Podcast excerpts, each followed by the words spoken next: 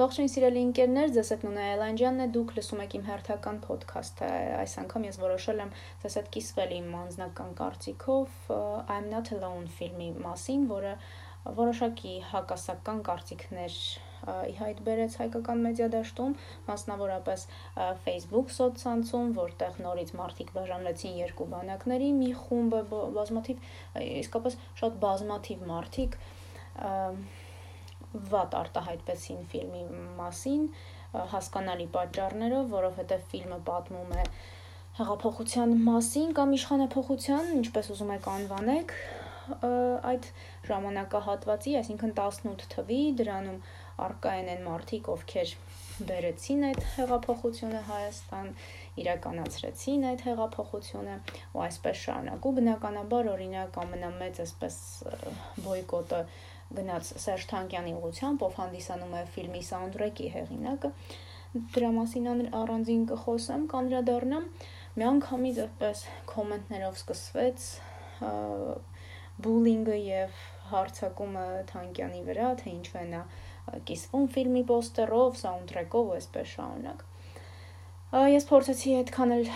այդքան էլ որն է, ես առհասարակ փորձեցի չքաղաքականացնել այդ գրառումը, որովհետեւ ինչքան էլ ֆիլմը հա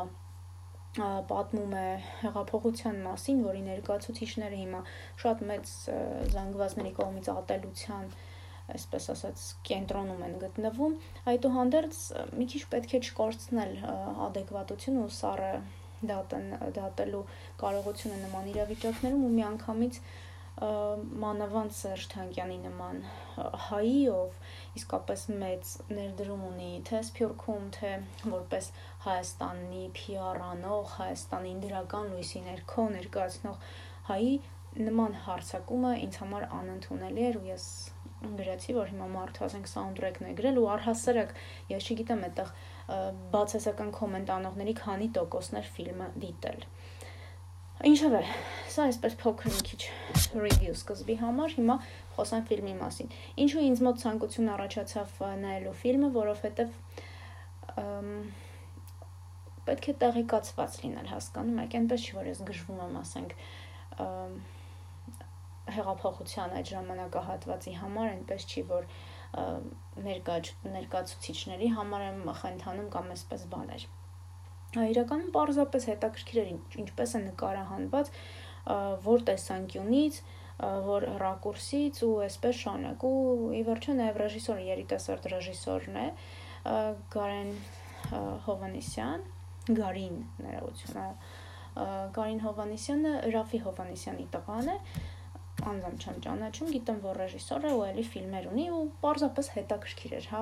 պետք էր կարծիք ընդհանուր կարծիք ձևավորելու համար, կարծիք հայտնելու համար գոնե դիտած լինես ֆիլմը։ Ու մի խոսքով որոշեցինք դիտել ֆիլմը։ Նախ ասեմ, որ IMDb-ում ֆիլմը 10 բալանոց համակարգով գնահատվել է 8.1 սա վատ արդյունք չէ իրականում, նույնիսկ շատ լավ գնահատական է։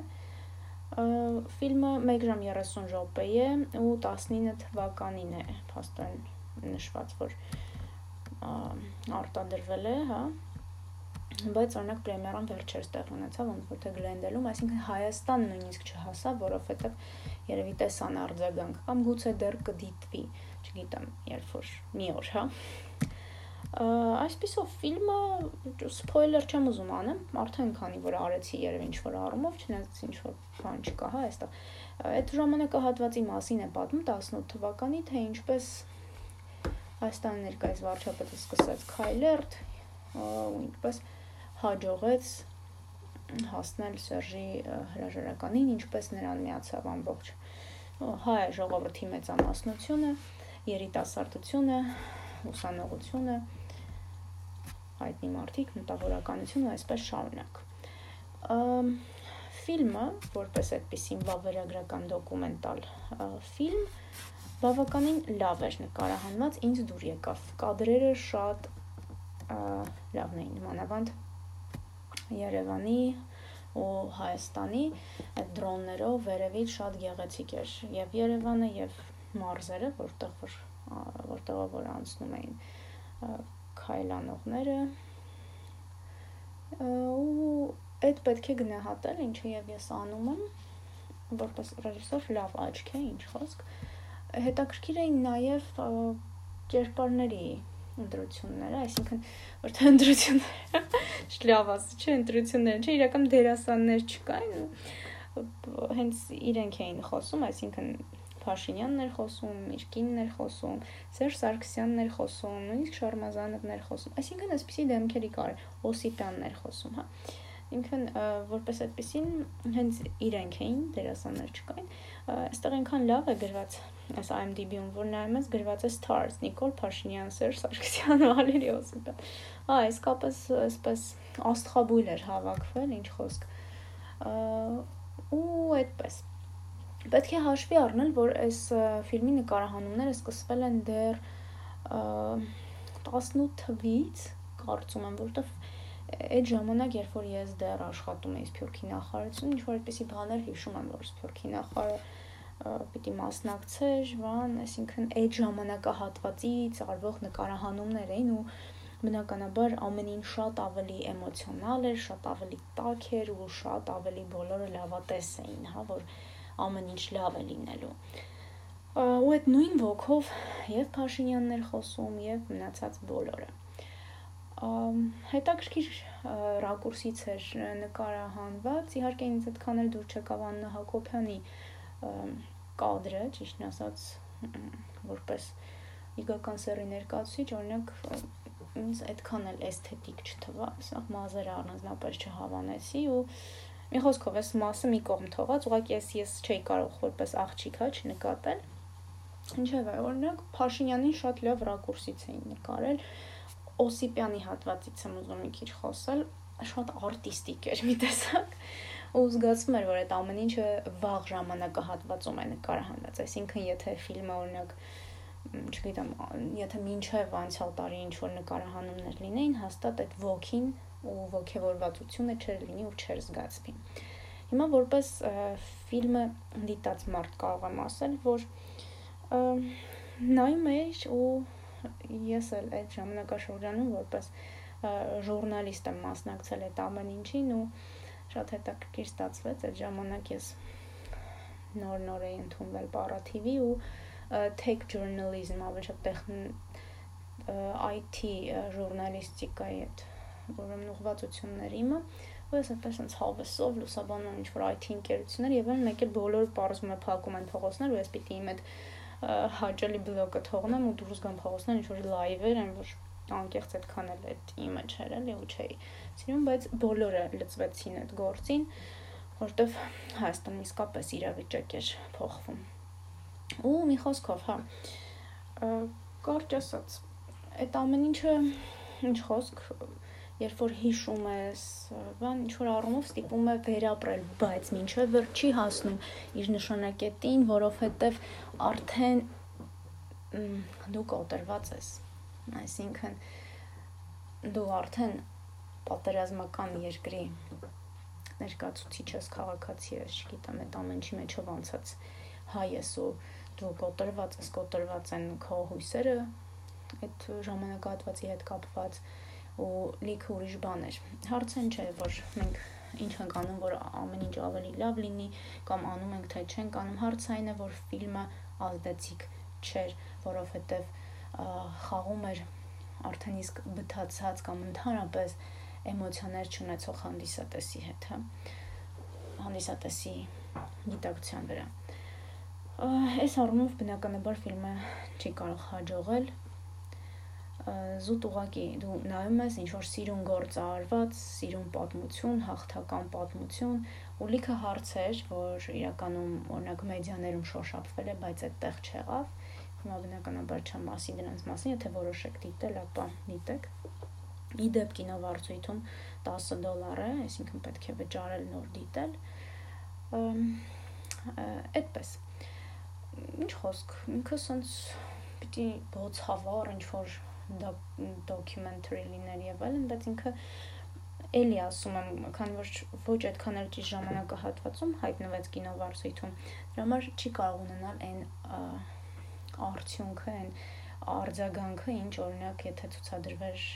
1 տարի ու կես առաջ, Մի քիչ ուշացած ֆիլմ էինք։ բայց բայց ինքը փաստագրական ֆիլմ է ու ֆիքսել է փաստերը։ Հիմա ուրիշ հարց է թե օրինակ ինչ որ հետաքնող լրագրող կամ մի քիչ ավելի այդպես ընդդիմադիր շատ թունդ ընդդիմադիր հակաիշխանական կամ ինչ որ մեկը այդպեսին նայի ինքը հաստատ լիքը գտնելու տեղեր կունենա էլի ես նայել եմ որպես այդ ամեն ինչի միջով մասնագիտության բերումով անցած մարդ որպես քաղաքացի էլ չեմ ཐակսնում որ այո ես 18-ին ինչպես շատերը մտածում էի որ իսկապես գուցե իրավիճակ փոխվի ու գուցե շատ բաներ շատ ավելի լավ ուղությամբ գնան ինչ խոսք փոփոխություններ եղան ու պետք չէ շղթել չընդունել դրանք, բայց հիմա դրանց մասին չեմ խոսում։ Հիմա խոսում եմ տոտալ հիասթափության մասին, որը վերջին 1 տարվա մեջ ապրեց մեր ազգը։ Ինչով է, չան չխորանալով ու չանդրադառնալով շատ այդ ամեն ինչին, վերադառնալով alone-ին, հիմա խոսեմ մի քիչ soundtrack-ից ու Սերժ Թանկյանից։ Սերժ Թանկյանը նույնպես հատված ունի ֆիլմում, այսինքն խոսում է կարծիք է հայտնում ու վերջում այդ soundtrack կոչվածն է, որը ազդեցիկ է այնքանով, որ Սերժն է ինքն է, չասեմ երկում, ավելի շատ արտասանում է, բայց ամեն դեպքում ազդեցիկ է ու նրա ձայնը միշտ այդպեսին է, հա։ Ինչ է զգացի ֆիլմը դիտելուց հետո։ Ափսոսանք, այո, ափսոսանք զգացի, որ մենք կորցրեցինք մի հնարավորություն, որ գուցե երկիրը ավելի լավը դարձնելու եւս մեկ հնարավորություն. Ավելի իրավագիտակից քաղաքացի կերտելու եւս մեկ հնարավորություն. Սփյուռքից եւս մի քանի ընտանիքի հետ բերելու հնարավորություն այսպես շարունակ մենք շատ բան կորցրեցինք ու որպես այդպեսին սա կմնա ուղակի վավերագրական ֆիլմ, որը ներկայացնում է 18 թվին տեղ ունեցած այդ դեպքերը, հա, ու վերջ։ Դա շատ ցավալի է, որովհետև երբ որ ավարտվում է ֆիլմը, դու պես ուղղակի ոչինչ չասող դեմքի արտահայտությամբ ասում ես պիտի ունենա շարունակություն ու պատմի, թե ինչ եղավ դրանից հետո։ Իմ մոտ այդպեսի տպավորություններ, որտեղ ինքը ինձ համար կիսատ էր, որտեղ այս ամեն ինչը ունեցավ նաև շարունակություն։ Այսքանը իմ դիտելուց հետո սրանք այն մտքերն ու կարծիքներն էին, որոնցով ուզում էի կիսվել ձեզ հետ։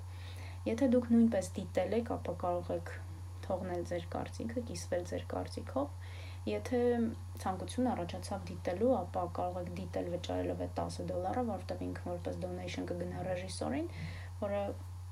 ասում եմ ըստիս վատ աչք չունի։ Այնպես որ այսքանը Շարունակենք դիտել լավ ֆիլմեր, շարունակենք սատարել հայ ռեժիսորներին ու հուսանք եւ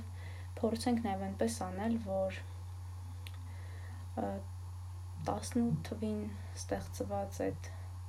հույսը ինչ որ առումով վերականգնվի, չգիտեմ։ Այսքանը լավ եղեք, շարունակեք հետևել իմ ոդքասթներին, դրանք կարծես թե ավելի հաճախ են ձայնագրվելու այսուհետև։ Կհանդիպենք